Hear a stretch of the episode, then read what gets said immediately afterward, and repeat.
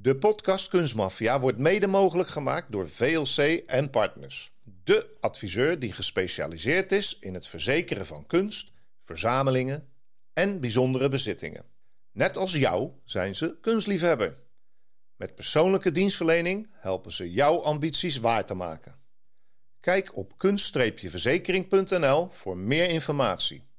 VLC en Partners verkennen, voorkomen en verzekeren.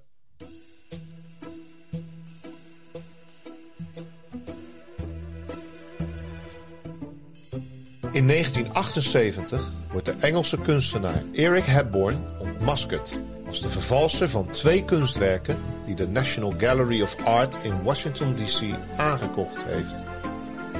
Maar de conservator en de kunsthandelaar onthullen Hepburns naam niet in de media. Die gaat dan ook door met zijn praktijk en groeit uit tot een van de meest productieve en kundige vervalsers van de 20e eeuw. De kans dat u een schilderij in het museum bewonderd heeft, dat eigenlijk een vervalsing is, is dan ook zeer groot. Dit is Kunstmafia, een podcast over roof, vervalsing en zwendel in de internationale kunst- en antiekwereld door Rick Bouwman en Robert Tettero. Deze keer in Kunstmafia zaak 6. Eric Hepburn en de duizend vervalste meesterwerken. Hoi Robert.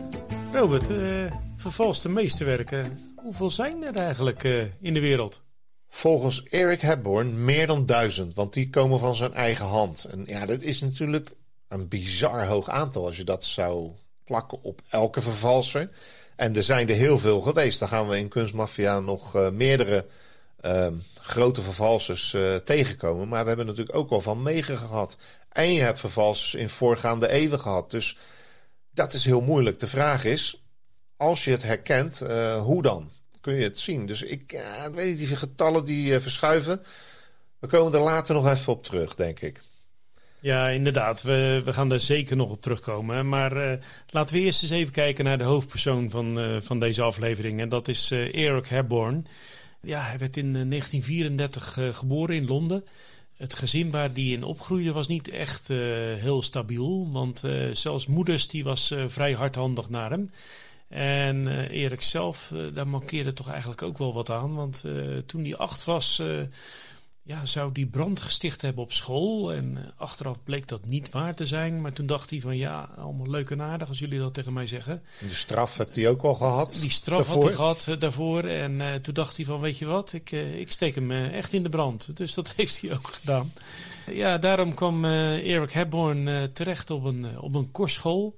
Een strafkostschool, zoals dat in Engeland natuurlijk gewoon is in die tijd daar moedigde leraren wel zijn schilderstalent aan. Dus dat is misschien een geluk bij een ongeluk geweest dat hij, uh, dat hij wel die school meegemaakt heeft. Nou ja, goed, uh, hij gaat verder met zijn leven en als 21-jarige gaat, gaat hij toch charismatische Hepburn, die gaat naar de Royal Academy. Hij floreert en wint diverse prijzen voor tekenen, etsen en schilderen. Hij wint ook de prijs van, uh, van dat moment. En dat is een uh, Prix de Rome. Daarom mag hij een uh, studiebeurs verkrijgen. Waardoor hij naar Rome kan in 1959. En dan is hij al een jaar of 24. En dat is natuurlijk een belangrijk moment voor hem geweest. Want dat betekent dus dat hij echt een vak heeft geleerd. En dat hij er ook erg goed in is, anders krijg je die prijs niet. En ja, in het Rome van 59 ja, leert hij de internationale kunstzien te kennen. Kunstenaars, kunsthistorici. Het is natuurlijk op zich al een land van kunsten. Dus dat uh, gaat heel goed. En in 1960 ontmoet hij iemand wat ja, gaat wel een, een rol in zijn leven spelen. Namelijk ene Sir Anthony Blunt. En daar kun jij iets meer over vertellen. Ja, die is in de kunstwereld een, een fenomeen. En zeker op dat moment. Uh, en Sir Anthony Blunt uh, was in 1956 eh, overigens uh, was die geridderd tot Sir. omdat hij actief was als conservator op, in het, in het Koninklijk Huis van, van Engeland. Hij was een begrip in, in, in Engeland op dat moment. Maar Hij was in 1925 was hij al een van de jongste docenten op de Cambridge University. En wat was daar nou uh, zo bijzonder aan? Op de Cambridge University werden de mensen steeds meer aanhanger van het uh, communisme. En met name in de midden jaren 30, uh, toen Hitler aan de macht kwam, waren toch een aantal leerlingen op, op de Cambridge University die zich af gingen zetten tegen het nazisme en kozen voor het communisme. Nou, dat is toch wel bijzonder. En uh, ja, wij zullen daar later nog even op terugkomen. Want uh, er gaan nog wel hele vreemde dingen gebeuren rondom dat Cambridge gebeuren. Nou was die Hepburn, die kwam dus in contact met, met deze Sir Anthony Blunt. Daar kan jij misschien nog iets over vertellen. Nou ja, er is natuurlijk een verschil van 30 jaar in leeftijd. Uh, was nog jong en uh, Blunt was al uh, op leeftijd. En, maar ja, neem me aan dat hij daar geweest is om te kijken wat de Engelse studenten zo opgesteerden. Ja, en die was wel onder de indruk van Hepburns werk, want dat was zeer goed. En dat kwam heel dicht bij een, een, schilder uit de 17e eeuw, Poussin, die, waar Blunt expert in was. En die dacht bijna van, nou, het lijkt wel echt wat hij hier aan het maken is. Maar nee, het is van deze jongen. Ja, nou goed. En uh, deze jongen, Eric Hepburn, die uh, keert dus terug naar Londen. Waar hij werkt voor een restaurateur. En hij krijgt niet alleen de opdracht om de schilderijen te restaureren. Maar zelfs ook om ze te verbeteren. En ja, dat is toch wel bijzonder. En soms begon dat zelfs al vanaf een volledig blanco doek. Zodat ze uiteindelijk voor meer geld nog verkocht konden worden. Maar dat betekende natuurlijk ook dat die Eric Hepburn wel in staat was om een uh, blanco doek om te zetten in een schilderij. Wat blijkbaar toch fantastisch was. Want het bracht heel veel geld op. Ja, het werd als echt verkocht. Dus eigenlijk was hij al een beetje aan het vervalsen. En uh, ja, dat is uh, als, het, als het al niet eerder eens een idee was. Omdat hij blunt zei van je bent wel erg goed, het lijkt wel echt. Dat hij misschien hier wel eens een idee heeft gekregen om te zeggen weet je wat ik ga doen? Ik ga werk vervalsen. Er zat ook wel een reden achter, want zijn eigen werk, dat deed het niet zo goed. Hij werd eigenlijk alleen maar geroemd om uh, hoe goed zijn kopieën waren. En toen dacht hij, nou weet je, als het zo goed is, laat ik me er maar eens echt in gaan verdiepen. En dat leerde hij bij die restaurateur. En dan later, in dezelfde stad, Londen nog, uh, ontmoet hij een antiek uh, winkeleigenaar. Ja, en daar raakt hij bevriend mee. En daar leert hij om uh, van oude prenten, om daar de geschiedenis van papier en het gebruik ervan in de kunst te kunnen bewerken. Ja, want wat hij doet eigenlijk, is heel slim. Hij haalt gewoon het papier uit oude boeken. En dan denkt hij, als dit nou 17e eeuws papier is, uit een boek, hè, de allereerste bladzijden zitten altijd een aantal uh, lege bladzijden. Die haalde hij eruit en dacht, dit komt uit een 17e eeuws Nederlands boek. Daar moet ik een 17e eeuws Nederlandse kunstenaar bij zoeken. Bijvoorbeeld Rembrandt, ik noem maar wat, of uh, uh, Breugel. En dat deed hij dan ook. En dan had hij natuurlijk een origineel papier. Dan moest hij alleen nog zoeken van hoe, hoe ga ik dat verder vervalsen. Maar wat er eigenlijk gebeurde, nog wel belangrijk om te vermelden. Hij schilderde niet alleen. Hij maakte ook voortekeningen, schetsen. Die zeg maar een voorstudie zijn voor een schilder. Voordat hij echt een groot schilderij gaat maken. En Misschien dat een kunstenaar nu nog wel eens een foto maakt. Dat ging natuurlijk niet in die tijd. Dus een, een, een, een schilder ging naar buiten toe, tekende uh, een straat, een uh, mooi paleis of een landschap. Nam het mee naar binnen toe. En ja, die, die tekeningen werden later weggegooid. Uh, maar sommige zijn bewaard gebleven. En dat is natuurlijk zeer zeldzaam en cultuurhistorisch en kunsthistorisch super belangrijk om te bestuderen. Die zijn heel veel waard. En dat had hij door. Ja, nee, je werkte dus uh, vooral ook in de stijl van de oude meesters. Zoals uh, Van Dijk, Poussin, Rubens en Breugel. Zijn werk, oftewel het werk van Eric Herborn, werd dus beschouwd als authentiek en, stilistisch zelfs als uh, briljant. Dus hij begon zijn stukjes te verkopen natuurlijk. En nou ja, hij heeft ze verkocht voor duizenden ponden, tienduizenden ponden aan de meest beroemde kunstveilingen. Christie's, Sotheby's. Uiteindelijk uh, verkoopt hij aan het British Museum ook een echte vervalsing. En uh, ja, die kopen het allemaal, want die denken dat is een echte Van Dijk en een echte Breugel en een uh, echte Italiaanse meester. Ja, en zo, zo bouwt hij eigenlijk een, een hele eigen handel op met tussenpersonen naar al die grote kunstveilingen en huizen. Dat gaat enige tijd goed. Maar in 1978 gaat het dan toch een keer niet goed. Want ja, hij valt door de mand in, het, in de National Gallery of Art in Washington. Want daar worden namelijk uh, twee tekeningen van hem ja, binnengebracht. en men denkt natuurlijk dat het van de oude meesters is. maar wat blijkt nu? Het is een oude meester uit de 17e eeuw en een oude meester uit de 18e eeuw. Maar het papier is allebei uit de 18e eeuw. En ja, daar ging hij dus de fout mee in. En die tekeningen die heeft hij niet zelf geleverd, want uh, er was altijd een tussenschakel. En dat was in dit geval een galeriehouder van uh. En ja, dat was een gevestigde en gerenommeerde uh, kunsthandelaar in Londen. maar die had deze twee schilderijen aangeleverd aan, aan het museum in Washington. Ja, en dan gaat de keten een beetje lopen natuurlijk. Hè? Dus het wordt ontdekt in het museum. Ja, die gaan kijken, we hebben het gekocht uh, bij Carnegie in Londen, officiële kunsthandelaar. En dan krijgt natuurlijk die man de vraag, waar heb jij het vandaan gehaald? Ja, precies. En dan is het wel zo dat zo'n Carnegie die denkt van, ja, wacht even. Uh, als ik nu ga verkondigen dat het valse schilderijen zijn en ook nog eens van Hepburn, ja, dan gooi ik heel mijn reputatie uh, gooi ik te gronden ja, dat, dat, dat moet natuurlijk niet. Dus wat gebeurt er? De naam Hepborn komt helemaal niet voor in de media. Er wordt helemaal niet over Hepborn gesproken. Uh, er komt wel naar voren dat er dus uh, ja, twee, uh, twee vervalsingen bekend uh, gemaakt worden. Maar alleen de curatoren en de conservatoren die worden geïnformeerd van joh, let op, zo en zo. Maar voor de rest wordt het eigenlijk een beetje stilgehouden. Ja, want dat is uh, mooi en je zei het eigenlijk al. De reputatie staat op het spel. En die reputatie, je zou zeggen, is geld dan niet belangrijker? Nou, reputatie is geld. Want zolang zij een goede reputatie hebben, verkopen ze goed. Maar nu moet hij natuurlijk zeggen, die Carnegie, van ja, uh, ik heb het eigenlijk niet gezien dat het vervalsingen waren. En de curator of de aankoper van het museum moet ook zeggen. Ik heb, dus het is heel pijnlijk allemaal. En dat doet je niet goed in die kunstwereld natuurlijk. Dus daar is Um, een heel groot gevoel van ongemak. Van laten we nu maar gewoon stilhouden. We hebben, hè, ze informeren zeg maar de mensen. Ja, jij bent er ook ingetrapt, jij ook, oké. Aan de andere kant kun je zeggen, zou zo'n Carnegie het misschien wel geweten hebben. En gewoon bewust gedacht hebben van, ik verkoop het door. Weet je, dat, dat, daar zit ik altijd een beetje over na te denken. Want misschien uh, zijn die wat makkelijker op dat moment als ze het voor een goed bedrag kunnen verkopen. Uh, zeker. En uh, ja, iedereen wil dat aapje van zijn schouder af hebben. En als het een vals aapje is, dan, uh, dan moet je daar zo snel mogelijk vanaf zien te komen. Dus dat gebeurde ook, denk ik.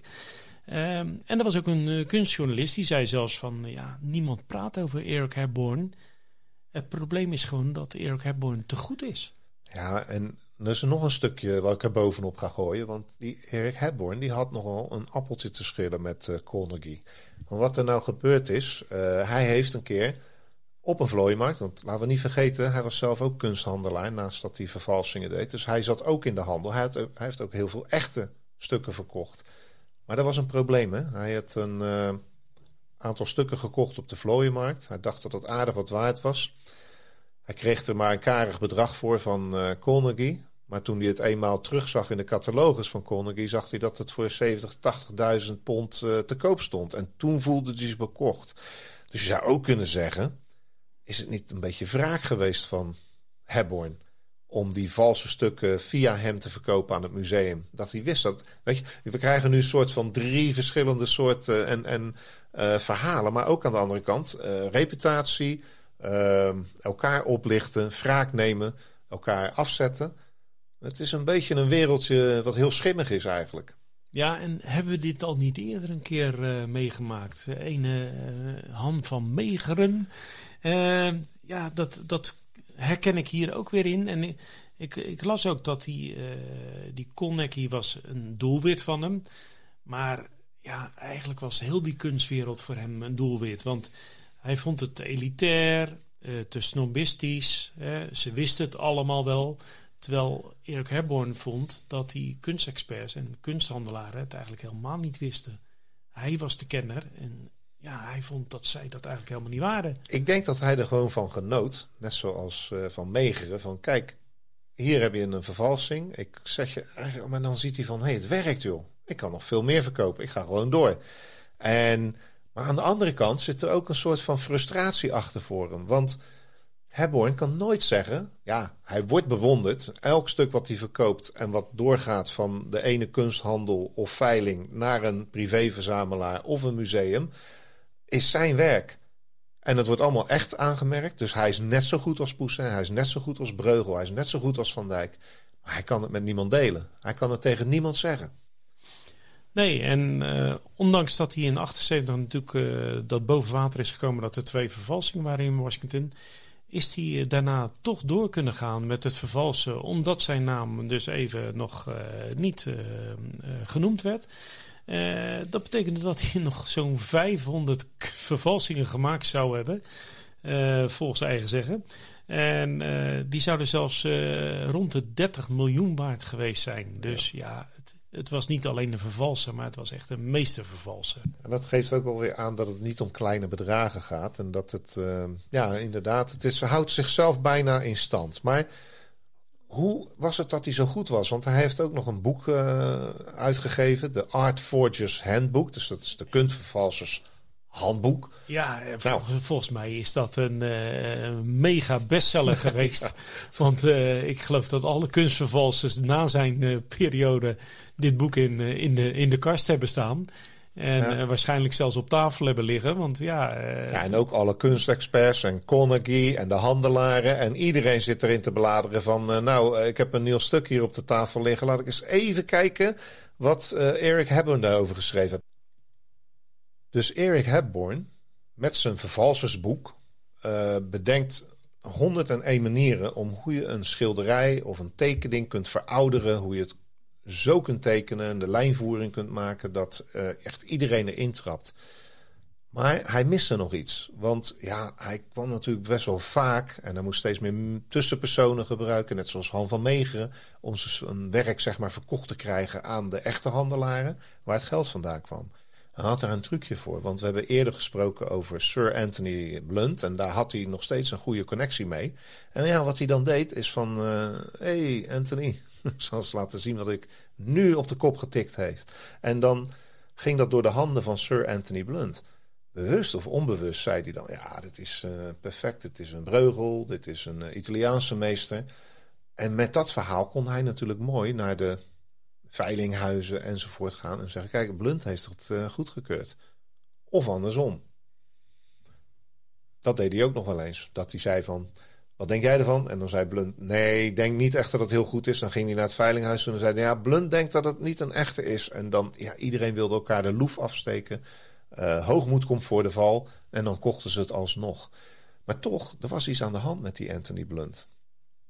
Ja, want daar zouden we nog even op terugkomen. En uh, Sir Anthony Blunt, uh, zoals eerder uh, besproken, was dus de conservator van het Koningshuis.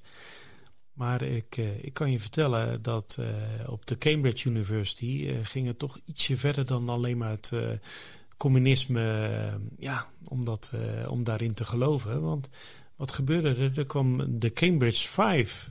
Dat waren vijf personen die bekend werden en waarom? Zij werden KGB-agent, oftewel KGB-spion. Zij werden spion voor de Russen. En Anthony Blunt was een van deze vijf. Hij werd de talentenjager genoemd, want hij heeft de andere vier uh, binnengehaald bij de KGB. En uh, op die manier hebben deze vijf uh, topstudenten van de University van Cambridge hebben fantastisch werk geleverd voor de Russen. En zijn in 1940 zijn ze ook uh, voor de geheime dienst van de Britten gaan werken. Oftewel als een soort uh, dubbelspion. dubbelspion. En uh, ja, dus ze hebben echt fantastisch werk geleverd voor die Russen. Maar Anthony Blunt behoorde daartoe en dat heeft hij van, van, vanaf de jaren, eind jaren 30 tot, tot begin jaren 50 heeft hij dat gedaan. Maar hoe heeft hij dat vol kunnen houden terwijl hij toch in dienst was, direct bij het Britse Koningshuis. Ja, nou, hij uh, werd pas ontmaskerd in uh, eh, 1964. Hij was in 56 geridderd. In 64 werd hij pas ontmaskerd door de, de Britse geheime dienst. En toen hebben ze het eigenlijk naar buiten toe stilgehouden. Hij heeft bekend dat hij voor de KGB werkte. maar wel onder de voorwaarde dat hij niet gestraft zou worden. Dus hij werd ook niet gestraft in de vorm van zijn werkzaamheden voor het Koningshuis. Hij bleef gewoon zitten daar. Nou moet ik wel zeggen dat ook bij het Koningshuis waren er wel een aantal zaken die speelden in, in de jaren zestig die niet helemaal goed door de beugel konden. Er waren wat seksschandalen in de omgeving van het Koningshuis. Dus ja, al met al werden beide zaken een beetje in de doofpot gestopt. En Anthony Blunt bleef dus aan als, als conservator. Maar in 79 kwam er een boek uit in, in Groot-Brittannië. En ja, toen was het niet meer tegen te houden. En toen moest premier Thatcher, die moest bekendmaken dat Anthony Blunt, want zijn titel werd gelijk ontnomen door de koningin, dat Anthony Blunt dus een KGB-spion was. Dus ehm, Anthony Blunt was een KGB-spion. Eric Hepburn was een vervalser. De een gaf aan de ander zijn schilderijen en tekeningen. En die werden, zouden ze dit van elkaar geweten hebben? Ik, ik weet het niet. Ik, uh, ik, denk, ik denk dat uh, Eric Hepburn uh, misschien niet zou kunnen weten dat Anthony Blunt fungeerde als een KGB-spion. Maar andersom lijkt me haast niet mogelijk dat ja, Anthony Blunt was zo, zo zo'n expert op het gebied van kunst. Waarschijnlijk vol met passie. Dat hij dan ook. Die moet toch weten dat. Het goedkeuren uh, van, van vervalsingen, dat dat eigenlijk niet. en toch waren ze goed bevriend. Ja. En beide besodemieten dus de boel. Eigenlijk kunnen we zo stellen. Ja, dat is uh, een beetje het verhaal. Nou ja, goed. Um, Eric Hepburn, um, zijn leven gaat verder, maar hij houdt zich voornamelijk bezig met het uh, schrijven van uh, nog een autobiografie. Um, en de Art Forgers handboek, waar we het net over hebben gehad. Maar inmiddels terug in Rome, waar hij lange tijd woont, gaat zijn leven ook een beetje achteruit. Hij drinkt meer, hij wordt regelmatig dronken uh, gezien in, in de piazzo's. En op een dag, een regenachtige dag, wordt hij gevonden op straat in de regen, bewusteloos. En als ze hem dan uh, nader bestuderen, dan zien ze dat hij een zware hoofdwond heeft. Hij wordt naar het ziekenhuis gebracht. Hij raakt in coma en een uh, paar dagen later overlijdt hij. En ja, dat is een beetje vreemd, want in 2019 komt er een artikel uit in The Guardian. En dat zijn twee filmmakers. En die filmmakers die hebben een tv-serie uh, zijn ze aan het maken of aan het voorbereiden. Op basis van zijn autobiografie van Eric Hepburn. Ze willen zijn hele leven beschrijven, wat wij nu in het kort hebben gedaan. En daarmee een, uh, een leuke serie maken. En dan lopen ze tegen allerlei mensen aan die ze interviewen. Oude vrienden, kennissen, familie enzovoort. En nou ja, die komen met een bijzonder verhaal, hè Rick? Ja, die komen met het verhaal dat ze denken dat er een, uh, toch wel een uh, maffia-connectie uiteindelijk een uh, rol gespeeld heeft bij de dood van, van Eric Hepburn. En er zou meerdere malen hier iets over gevonden zijn. En Hepburn zou ook gezegd hebben tegen zijn vrienden dat hij bang was voor, voor een bepaalde gewelddadige dealer, maffia-dealer. Ja, had natuurlijk een hoop vijanden gemaakt. Hij heeft natuurlijk veel mensen. Ik, ik kan me zo voorstellen dat hij bijvoorbeeld vervalste kunst heeft uh, verkocht aan een handelaar of een privé-verzamelaar. ja, die komt daarachter. Die, is, die heeft er een half miljoen voor betaald. Het is nog maar niks waard. Maar je kunt het ook niet gaan vertellen, want dan zit je zelf je al je geld kwijt. Dus misschien dat iemand hem een steen op zijn kop heeft gegooid. Of zou ik dat er meer aan de hand was? Ik denk dat er meer aan de hand was. Want wat gebeurde er namelijk na zijn dood? Zijn appartement werd volledig overhoop gehaald. Uh, en uh, ja, het leek er wel op alsof ze bezig waren in zijn appartement om eventueel uh, ja, vondsten uh, weg te werken. Dat, uh, dat men niet zou, iets zou kunnen terugvinden van de eventuele daders. En wat natuurlijk nog gekker was, is dat er helemaal geen politieonderzoek geweest is. Ja, maar dat is ook wel weer dat bijzonder. Dat is natuurlijk wel bijzonder. In zijn eigen memoires of in zijn biografie schreef hij eigenlijk al dat hij een portret aan het maken was voor een maffiabaas. En dan had hij een beetje een raar verhaal bij dat hij door drie, vier man onder schot werd gehouden. Terwijl hij aan het schilderen was. Ja, dat, dat lijkt mij uh, dat je daar niet beter van gaat schilderen. Maar nou ja, hij heeft wel een keer aangegeven, dus ook in zijn eigen uh, memoires, dat hij links had met de maffia. Ja, dan stel je voor dat hij gedwongen werd om uh, vervalsingen te maken voor de maffia. Dat is natuurlijk goed uh, verdienen. En dat wisten ze sinds 78 al, dat hij uh, ja, een, een vervalser was. Dus dat zou nog best wel kunnen eigenlijk. Dus het eigenlijk blijft een beetje een, een mysterie. de, de makers die zeggen dat hij vermoord is in plaats van ongeluk. Dus Rick, wat denk jij? Ja, nou, die filmmakers kwamen nog met, met iets, iets extra. De, dat een van de beste vrienden van Eric Herborn... die zou de naam en de foto gegeven hebben... van iemand die vermoedelijk verantwoordelijk was. Uh, maar ze durfden, Wie dan? Ja, ja, zijn naam durfden ze maar niet te noemen. Dus, ja, ja, dan... nou, misschien bewaren ze die tot de laatste aflevering van die mooie serie die ze willen maken. Maar ja. wat ik nou weer ontdekt heb ehm, in de afgelopen drie, vier jaar is er helemaal geen serie uitgekomen. Dus misschien hebben ze wel aan de verkeerde deur geklopt ergens. Dat zou nog kunnen. Maar wie weet, misschien komt het alsnog uit. Maar ik heb toch, toch nog een vraag. We hebben een paar dingen. Hoeveel vervalsingen zijn nu? Want daar zijn we mee begonnen. Hij heeft er duizend ingebracht, zegt hij. Nou, er zijn er een aantal natuurlijk ontmaskerd. Maar ja, als je dat over die hele wereld heen trekt, van de kunstwereld... dan zou je bijna zeggen dat, uh, nou ja, soms zijn kunsthandelaren er gewoon bij gebaat om een, om, een, om een vervalsing er doorheen te laten gaan. Omdat ze denken, nou ja, weet je wel, dat valt niemand op. Ik verkoop het gewoon, ik zie het wel. Maar ik krijg wel aanbod. En in magere tijden, ja, weet je, is dat toch ook wel aantrekkelijk. Dus blijf een beetje hangen van... Dadelijk ga ik naar het museum toe. Of iedereen van de luisteraars, een museumkaart. Denk, ik ga lekker naar een museum toe. Sta je naar een vervalsing te kijken. En niemand die het weet. Ofwel, hoe moeten we dat nou oplossen? Ja, dat, dat gaat mij niet lukken vandaag.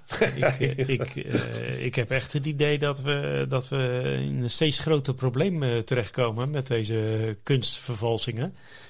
Uh, ja, we zullen toch weer op zoek moeten gaan naar, naar de echte kenner. Ja, dus toch een detective weer. Onze vriend Arthur Brandt misschien even vragen. En misschien dat hij ook nog iets kan zeggen over die wat mysterieuze dood van Erik Hebborn.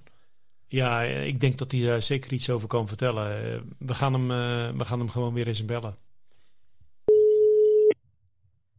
Met Arthur. Dag Arthur, met uh, Robert Tetro en uh, Rick Bouwman. We zitten helemaal klaar ervoor. Fijn dat je ons weer te woord wil staan. We hebben Erik Hebborn voorgesteld. Ja, door zijn vervalsersleven een beetje gevolgd. Ja, en dan hebben we toch een aantal vragen die, die bij ons naar boven komen. Met name hoe, hoe kan het nu zijn, want het gaat dan over duizend, zo niet duizenden vervalsingen van schetsen, tekeningen, voorstudies, ja, geloof ook schilderijen enzovoort. Hoe, hoe is het toch mogelijk dat iemand zoveel in de markt kan zetten? Ja, nou ja, als je daar één woord op wil opplakken, dan is het geld. Hij was natuurlijk iemand die wel wat kon. Hè? Hij heeft op de Royal Academy gezeten. Uh, hij heeft daar zelfs prijzen gewonnen als kunstenaar.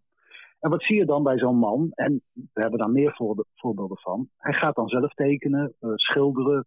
Hij denkt dat hij ook een grote naam zal worden. En de critici vonden hem niet goed genoeg om hem eigenlijk te bespreken. Men zei niet van, oh, dit is de nieuwe Van Gogh of de nieuwe Rembrandt. Ja. Dus um, hij heeft gedacht van, nou ja, ik ga het zo niet redden, weet je wat, dan ga ik maar op een andere manier mijn geld verdienen. En dat zie je vaker, hè, dat goede vervalsers zijn vaak ook goede schilders geweest. Maar die hebben het niet gemaakt. Het beroemdste voorbeeld is Han van Meegeren. Een van de beroemdste vervalsers. Ik weet niet of jullie hebben, die hebben jullie al behandeld. Hè? Ja, hebben we gedaan. En de, inderdaad, ja. klopt inderdaad dat hij ook uh, ja, een soort van frustratie dan um, heeft ja, gehad.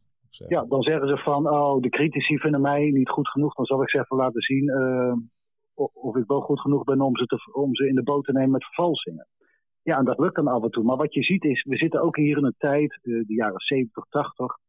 Ja, dat het, je had nog geen internet natuurlijk. Hè, dus het was, was wat moeilijker om met één druk op een knop, uh, zeg maar, iedereen in de kunstwereld op de hoogte te brengen dat van vervalsartief is.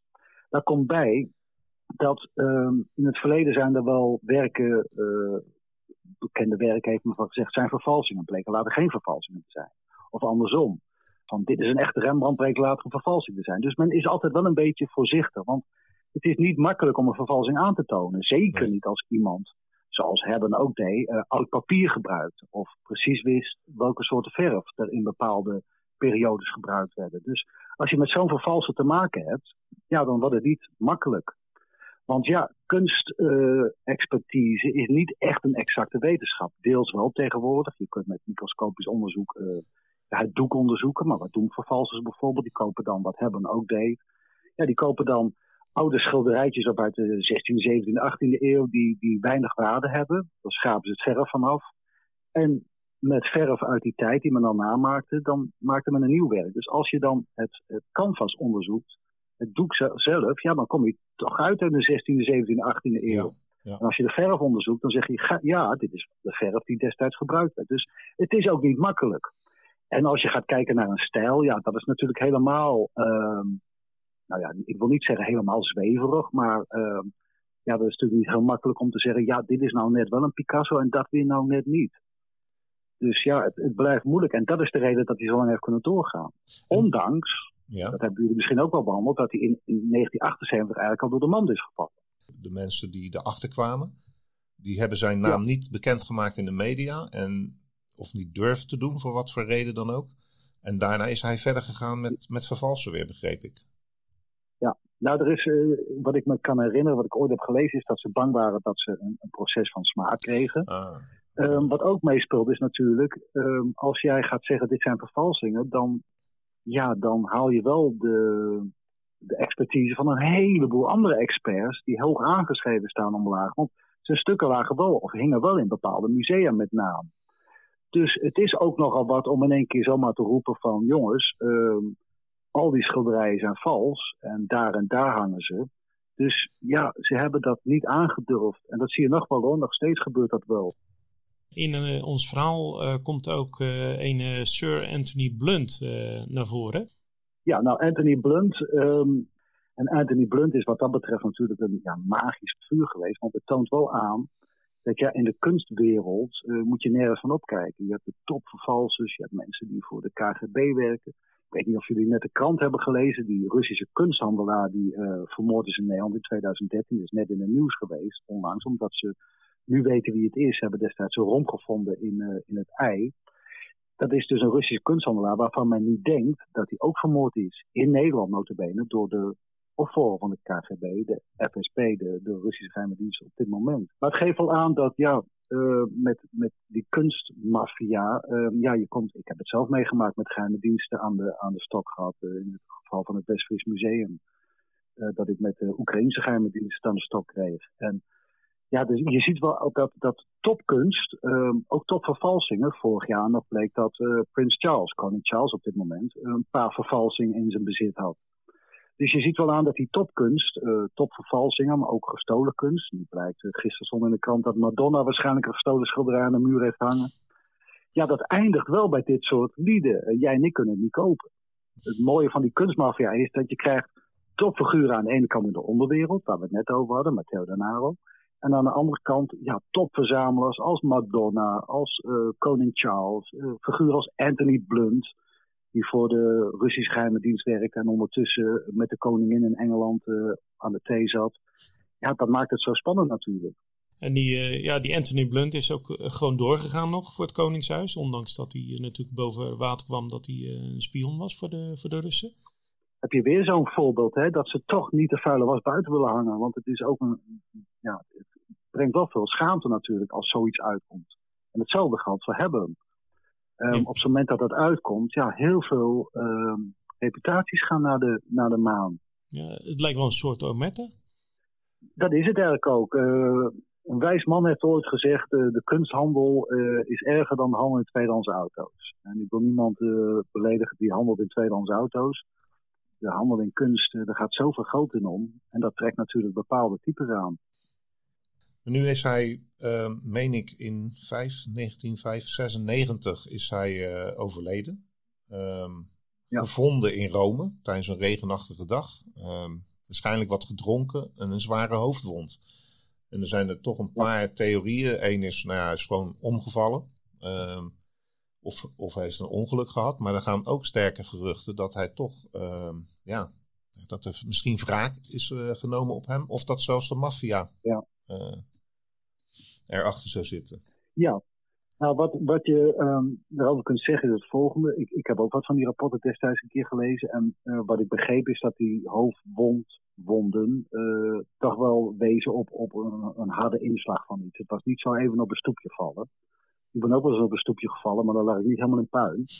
Ehm, dus ja, het, het, het, wijst er wel een beetje op dat hij waarschijnlijk toch ehm, ja, niet helemaal natuurlijk als einde is gekomen. En het is natuurlijk ook wel typisch hè, dat ehm, zo'n man als hebben uitgerekend naar Rome gaat. En zeker in die tijd was Rome, ik, ik hoor het van, van andere kunstvervalsers, wel het mekka voor de kunstvervalsing.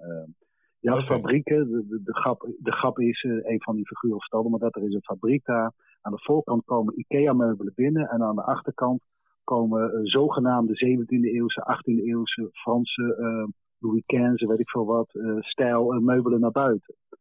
Dus het was wel um, ja, de plek, het mekka voor, voor vervalsers. En hebben, ja, die kan natuurlijk um, daar zeker nog in die tijd, voor de Italianen best nuttig zijn geweest. En ja, dat hij vermoord zou zijn, uh, ik schat die kans er wel, wel vrij groot in. Ja, en toch weer een link met de maffia aan het eind, een beetje. Ik weet nog dat ik een keer in Rome liep met iemand, ik ga zijn naam niet noemen, maar die had ook wel eens uh, dit soort trucjes uitgehaald. En op een gegeven moment zei hij van daar en daar is een fabriek, laat hem er even heen. En hij bleef op de hoek staan. Hij zegt, ja, als ze mij zien, dan wordt er geschoten. Okay. Dus uh, hij bleef op de hoek staan. Dus ik ben eventjes daar door die straat heen gaan. Maar het geeft wel aan dat ja, Rome is toch wel de plek van de vervalsers. En Um, ja, er wordt ook wel eens geschoten in Rome, zoals we allemaal weten. Dus Zeker. Het zou mij niks verbazen als, als die theorie, die toch wel behoorlijk wat mensen aanhangen, ook mensen vrij dicht tegen hebben aan, dat die toch uh, blijkt te kloppen. Luister jij graag naar Kunstmafia en wil je Rick en Robert ondersteunen? Ga dan, als je wat kan missen, naar fooiepot met een d.com slash kunstmafia. En geef daar een digitale fooi. Dus fooiepot.com slash kunstmafia.